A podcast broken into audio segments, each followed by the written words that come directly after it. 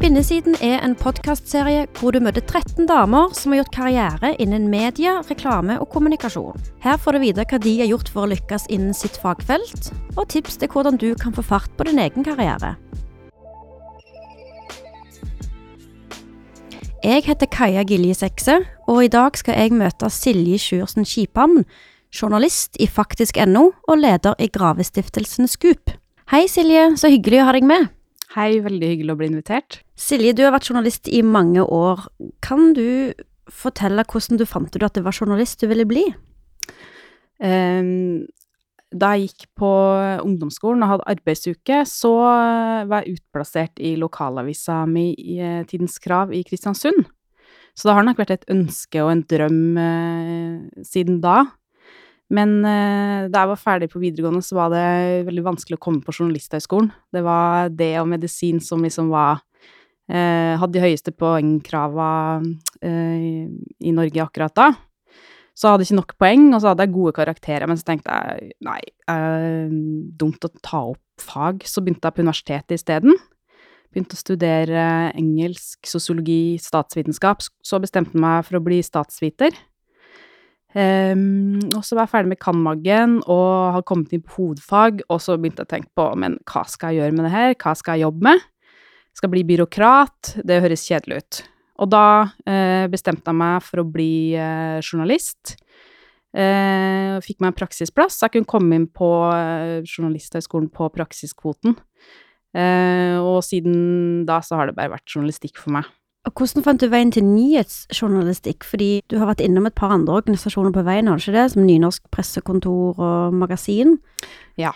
Eh, I Nynorsk pressekontor, da var jeg, det var der jeg hadde praksisplass. Jobba et halvt år for å komme inn på Journalisthøgskolen. Eh, og så ble jeg gravid det siste året på Journalisthøgskolen. Sånn at jeg hadde termin eh, tre uker, faktisk, etter siste eksamen. Eh, så drev jeg søkte litt på vikariat og sånn da når hun begynte å nærme seg året, og da hun var ti måneder, så fikk jeg et vikariat på fire måneder i Foreldre og barn, magasin, um, månedsmagasin. Um, og så tenkte jeg ja, ja, tar det, tar det vikariatet, og så, så kan jeg begynne med noe annet etterpå. Og så plutselig så begynte jeg der, så fikk jeg fast jobb der. Så ble jeg der i tre år, men jeg visste jo at det var nyhetsjournalistikk jeg ville jobbe med. At det var det som alltid hadde, ønsket, hadde et ønske om å drive med. Det nyheter og politikk. Så eh, da fikk jeg fast jobb som politisk journalist i Nasjonen da etterpå. Eh, og siden det så har jeg jobba med nyheter og politikk eh, stort sett hele tida, litt forskjellige aviser. Du lurer litt på hvordan var den overgangen der, fordi jeg har vært sjøl veldig kort innom nyhetsjournalistikk for lenge siden. Og eh, den overgangen fra å jobbe med magasinjournalistikk og features og reportasjer, du har god tid, og til denne ganske hektiske hverdagen med nyheter. Hvordan var den, den endringen i tempo for deg? Det var ekstremt stor endring fra å jobbe med Vi produserte jo ferdig magasinet fire uker før det gikk i trykken, eller noe sånt. Og så plutselig så skulle jeg jobbe i Nasjonen, som eh, har ekstremt lite ressurser. En papiravis med tidlig deadline. Um, og det var et uh, stort, ekstremt stort temposkifte, som det, det var Det tok litt tid å liksom akklimatisere seg, da. Men uh, samtidig så tenker jeg at det har vært en god skole òg, fordi at du, du, er avhengig av å Du må eh, ha dine egne ideer hele tida, må ha mange baller i lufta, du er nødt til å være på. Uh, alltid tenk at uh, du skal klare å fylle den plassen som er satt av til deg. Mm. Og det har kommet veldig godt med i de jobbene jeg har hatt etterpå. Ja, For du må jo tenke og agere ganske kjapt. Ja, det, du må alltid ha en plan A og en plan B, og helst en plan C, da. fordi at det er jo ofte at plan A går i vasken, og kanskje går plan B i vasken òg. Og eh, i et par av de avisene jeg har jobba, så har det vært såpass tynt med ressurser at hvis din sak ikke blir ferdig, så har du ingenting. Sånn at du må på en måte lære å justere deg etter det, da. Eh, og det kan både være bra og dårlig. Det, det er en utfordring òg, fordi at du vil jo gjerne Du vet at sakene kanskje kunne ha blitt bedre hvis du har venta til neste dag, hvis du har fått tatt en eller to telefoner til, fått en kilde til. Men eh, det er liksom Ja, det er sånn hverdagen er, da, for mange mm. journalister. Må man være ganske sulten for å lykkes innen nyhetsjournalistikk, tenker du? Ja, det tror jeg du må. Du må både være sulten, men òg du må være litt sånn villig til å ta på en måte det du får, da. Særlig med det arbeidsmarkedet som, eh, som er nå, der det er vanskelig å få fast jobb. Så eh, du kan ikke være eh, picky på eh, hva du gjør, men samtidig så har jeg alltid tenkt at det er om å gjøre å ligge foran, da. Og ha mine egne ideer, fordi jeg hater å bli fortalt hva jeg skal jobbe med. Um, jeg syns det er bedre å ha uh, min egen idé, min egen sak som jeg jobber med, og som jeg da får lov til å fortsette å jobbe med. Sånn at uh, det er liksom om å gjøre å ligge foran, uh, foran, sånn at ikke sjefen din skal liksom komme og trykke på deg en sak du ikke vil ha. Du sa en ting som jeg beit meg litt merke i, og det var det med fast jobb og vikariat. I, altså når man er journalist, så er det jo vanskelig å få fast jobb. Hvordan mm. har det vært for deg?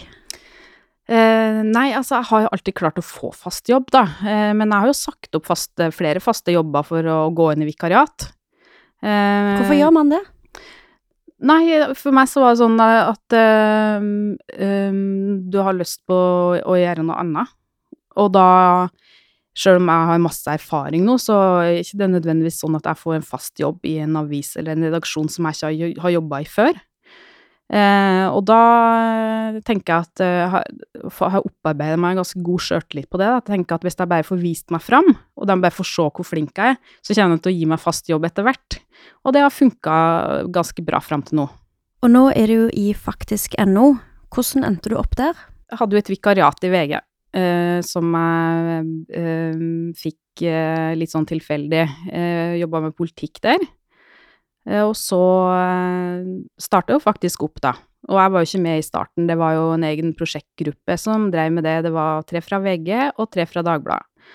Og så eh, ble jeg spurt da om jeg hadde lyst til å jobbe i Faktisk, og det hadde jeg selvfølgelig lyst til å bli med på. Det var liksom det store nye som skjedde i bransjen vår i fjor. Det var en selvfølge? Det var ja med en gang? Ja, og jeg tenker jo ofte Det er kanskje litt problemet mitt òg, at jeg hoppa på ting uten egentlig å tenke på konsekvensen av det, men uh, jeg sa nå ja til det. Uh, Tenk meg om kanskje Gjorde meg litt hard to get, men ikke sånn kjempe. Nei. og så uh, Ja, så nå har jeg vært der i ett år. vært med på starten, hatt en ekstremt bratt læringskurve. Mm. Så det var noe du virkelig ville, da, siden du ikke trengte så særlig mye betenkningstid? Jeg hadde ikke tenkt eh, at faktasjekking var noe Jeg kjente ikke sjangeren. Eh, det var ikke noe som jeg på en måte har tenkt å ha et ønske om å drive med. Men eh, eh, dem som spurte meg om å bli med der, dem kjenner jo kjenner meg godt, eh, og vet at jeg har en tendens til å Og en glede av å dykke ned i detaljer og sette meg én ting og komme til bunns i det, og det er jo mye det vi gjør nå. Vi plukka ut en bitte liten ting, og så går vi virkelig, virkelig til bunns i det. Mm. Så hvordan er din hverdag, da? Er det at du jobber med en, et, et prosjekt, hva man kaller det, lenge? Eller er det mange småting samtidig? Det varierer litt. Det er litt sånn som vanlig nyhetsjournalistikk, at uh, av og til så er det én sak du jobber veldig konsentrert med, av og til så jobber du med fem forskjellige faktasjekker. Eh, og det er veldig varierende. Noen kan ta tre timer, de fleste tar jo mye lengre tid enn det. Eh, men eh, det er liksom med all journalistikk det om å på en måte ha nok å drive med, da, og ha nok baller i lufta. For en del ting må vi jo legge bort, for vi, vi klarer jo ikke å komme til bunns i det. Og så er det en del ting vi begynner på som vi skjønner at oi, det her var kanskje ikke en påstand som egna seg for faktasjekking, så da må vi legge bort den. Så det er liksom veldig varierende. Men det vi gjør da, når vi først har publisert, er at vi slipper jo saken. Og det er jo litt annerledes enn det som er gjort før. Da har du jo fulgt opp saken, kjørt den framover kanskje ganske, over ganske lang tid. Mens nå så er det gjerne én faktasjekk eller en sånn explainer, en artikkel som går i dybden på et eller annet tema. Uh, og så publiserer vi den, og så følger vi ikke opp det med reaksjoner og sånn. Da er vi på en måte ferdig med det. Så det er litt annerledes. Og hvordan er det å jobbe med å sjekke andre journalisters arbeid? Er det mange Er det Blir folk irriterte på deg? folk blir kjempeirritert. Både det gjelder Altså for veldig mange av dem vi faktasjekka, ikke bare journalister, men eh, politikere og andre òg, så vil jeg si at flertallet blir ganske irritert på oss. Eh, og jeg skjønner at det er ubehagelig når vi du får en mail fra oss, eller vi ringer, så spør vi du, Hvilken dokumentasjon har du for det tallet her, eller den setninga der? Og så er det jo én påstand i en større artikkel alltid. Eh, og så har kanskje desken vært innom og gjort et eller annet med tittelen og ingressen din. Så det er kanskje ikke din feil engang, men det er du som får svi for det.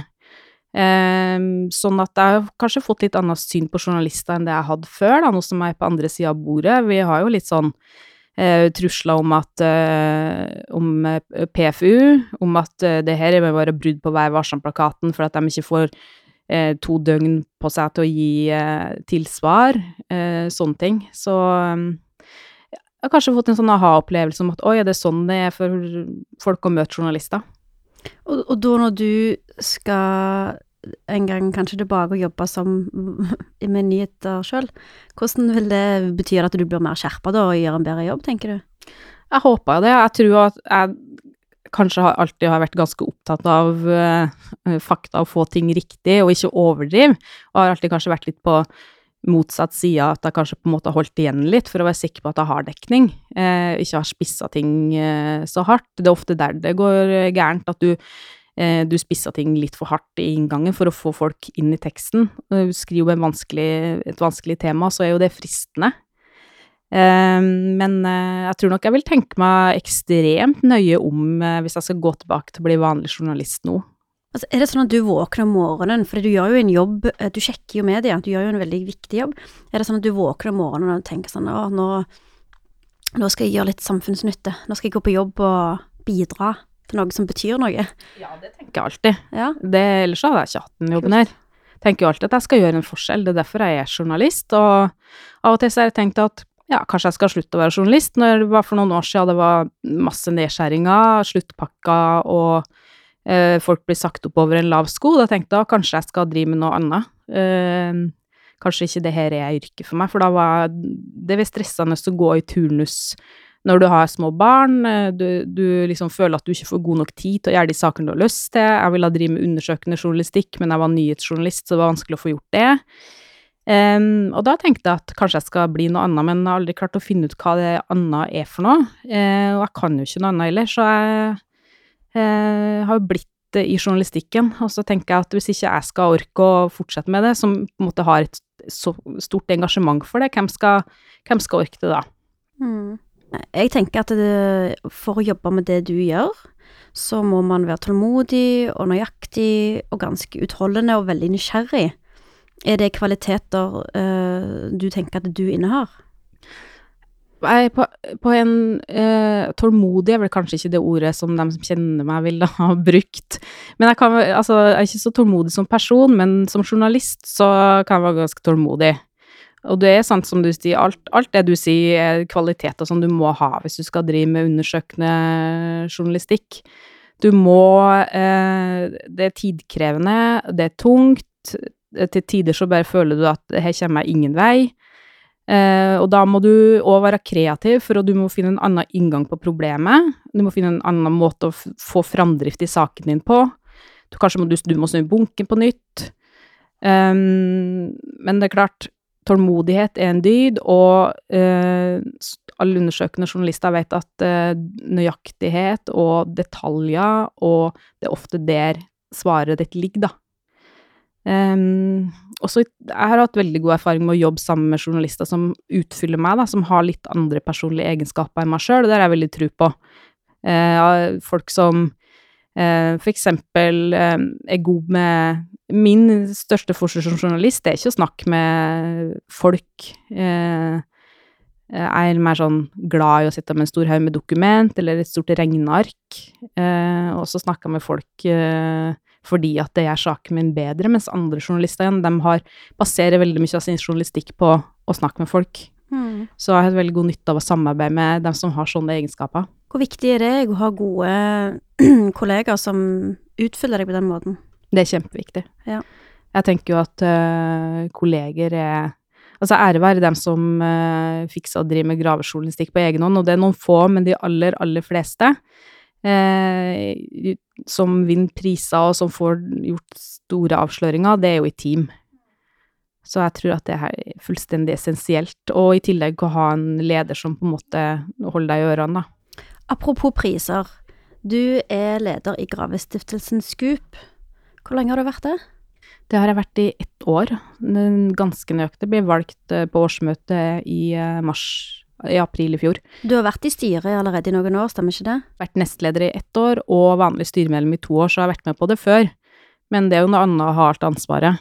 Um, og sjøl om vi har, har uh, kjempebra styre bak meg, så føles det det føles ganske sånn tyngende å liksom være den som faktisk sitter med ansvaret. I forbindelse med um, SKUP-prisen, så har du tidligere uttalt at uh, kvinner nok har lettere for å tenke at sakene uh, deres ikke er gode nok, og at de ikke når opp, og at det derfor ikke er noe poeng å levere de inn til f.eks. SKUP-prisen. Hva tenker du at man kan gjøre for å få kvinner til å tro mer på kvaliteten av arbeidet sitt, hvis det er det som er utfordringen? Utgangspunktet for den saken der jeg sa det, var jo at uh, to av tre som vinner SKUP-prisen, er menn. Um, og når det er noen som har gått gjennom metoderapportene også, ser at det er flest menn som nominerer seg sjøl og sitt eget arbeid til SKUP-prisen. Og jeg tror at det handler litt om sjøltillit, da. Um, og det er litt sånn at vi kvinner kanskje tenker at oi, jeg har ikke så mye å bidra med, eh, mens du har lagt ned en enorm arbeidsinnsats. Eh, mens menn kanskje tenker med at oi, så hvor bra sak jeg har, liksom. Og det sånn Når jeg har jobba som nyhetsjournalist Jeg har jo aldri jobba som undersøkende journalist, eh, egentlig. Jeg har bare gjort det litt innimellom. Innimellom den vanlige jobben min. Eh, så kan jeg sammenligne meg med tidligere kolleger, så har det vært litt sånn at hvis de har menn, menn som har et godt prosjekt, da, de går til sjefen og sier du, her har jeg en god sak, skal ikke jeg få lov til å jobbe med det nå i de neste to månedene, og bare jobbe med den saken? Mens jeg og min kvinnelige kollega, da, som har vært jobba sammen på en del større ting, vi var litt mer sånn, nei, men vi kan bare ta det innimellom, vi, når vi Og så går vi kveldsvaktukene våre og tar helgevaktene våre og eh, levere nyhetssaker innimellom fordi at det er så lenge siden vi har hatt noe på trykk når sjefen kommer og spør sånn for å be seg ja, men du hører her, du har sagt at jeg skal få prioritere min, den store gravesaken min. Eh, og det tror jeg er litt sånn Det handler litt om på en måte å ta plass, da. Og der tror jeg vi kvinner har litt å lære, for det er ikke noe, altså det er ikke noe annerledes eh, Altså, kvinner har alle forutsetninger i verden for å drive med undersøkende journalistikk på akkurat samme måte som menn gjør. Um, og tillegg så tror jeg kanskje det har vært litt sånn at litt sånn, man, litt sånn tunge, tyngre ting, da, sånn type finans, næringsliv, forsvar, sikkerhetspolitikk, sånne avsløringer, som er litt sånn tunge avsløringer, og som har kred eh, blant journalister, har vært litt sånn type litt sånn mange menn har jobba med, mens vi kvinner kanskje har en større tendens til å jobbe med sånn type helse og omsorg, for eksempel. Og jeg syns jo Jeg har jobba i mange år med det sjøl, og det er utrolig viktig. Det er nært folk. Eh, vi bruker kjempestor andel av skattepengene våre på det, på helse- og omsorgstjenester. Eh, men det har liksom ikke den samme på en måte kreden blant journalister å jobbe med det, eh, kontra å jobbe med en stor avsløring om at Norge har, ja, Kongsberg våpenfabrikk har solgt våpen til et land vi ikke skulle ha solgt våpen til, eksempel. Hva tenker du at det skal til for at uh, yngre kvinner som ønsker å jobbe med journalistikk, eller generelt som Sånn jeg, jobber i reklame, uh, og jeg ser jo òg en ganske tydelig forskjell på generelt selvtillit eller tro man har på seg sjøl. Hva skal til for at unge kvinner kan få denne følelsen av at fader, det der kan jeg jo like godt som en mann, for det, det kan vi jo. Eh, kommer det med erfaring, eller med alder, eller hva tenker du? Ja, det kommer med erfaring og alder, absolutt. Eh, det kan jeg jo jeg, jeg trodde ikke at jeg var tøff nok til å bli journalist engang. Eh, en periode så tenkte jeg at det, det er ikke for meg, liksom, for så tøff er jeg ikke. Men Så det tenker jeg liksom som kommer med erfaring og tro på seg sjøl, da. Du må liksom du må dessverre reklamere litt for deg sjøl, og du må liksom tørre, tørre, å være synlig, og du må si ja til de sjansene som kommer, da. Når jeg fikk uh, spørsmål om jeg ville bli skupleder, så tenkte jeg ja, men det klarer jeg ikke. Mm. Det, det, er det beste at noen andre gjør. Og da hadde jeg vært nestleder i ett år, og jeg visste jo at jeg var den beste til å ta det vervet. Men likevel så hadde jeg en sånn runde med meg sjøl der jeg tenkte at nei, det er kanskje best at noen andre tar det, fordi at uh, det, det, det, er ikke sikkert at jeg kommer til å klare det. Og, så, og sånn går det ikke an å tenke. Da kommer du ikke noen vei. Det er jeg helt enig i. Eh, godt råd. Eh, har du noen eh, tips til journalistspirer, kvinner og menn? Ja, det, jeg snakka litt om det i stad, med å ha egne ideer og være selvdreven. Eh, det er et utrolig godt tips som jeg mener skiller Clinton fra veten blant journalister. At du har, eh, har, dine egne ideer. Og at du, tør å, du tør å si nei til sjefen din hvis eh, eh sjefen sitt kart ikke stemmer med ditt terreng. Eh, og det må man gjøre sjøl med en ung og uerfaren. Forklar litt hva du mener med det. Nei, altså ofte så får du en bestilling fra den som er reportasjeleder, da. De vil ha en sak, sånn og sånn. De har gjerne sett for seg hvordan tittelen skal være, og ingressen, eh, og hvordan bildet skal være. Alt er egentlig helt planlagt på forhånd. Og så går du ut, du blir sendt ut på en sak med en fotograf, og så viser det seg at det ikke er helt sånn som sjefen din så for seg.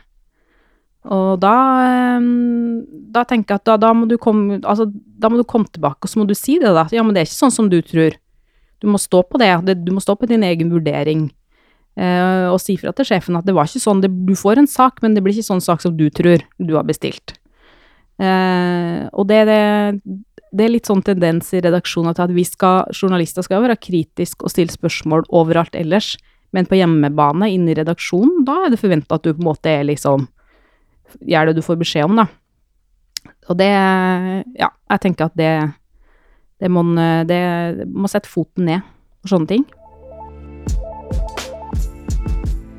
Helt til slutt så har jeg to kjappe spørsmål til deg. Mm. Det er hva er det beste med mediebransjen? Det beste med mediebransjen er de folka som jobber der, som er eh, morsomme folk, flinke folk og rare folk. Eh, jeg har ingen venner som har en sånn variert eh, gjeng med kolleger som det jeg har i min bransje. Uh, og så er det en annen bra ting, og det at kan til, jeg kan ringe til hvem som helst og spørre om hva som helst, og det uh, setter jeg veldig stor pris på.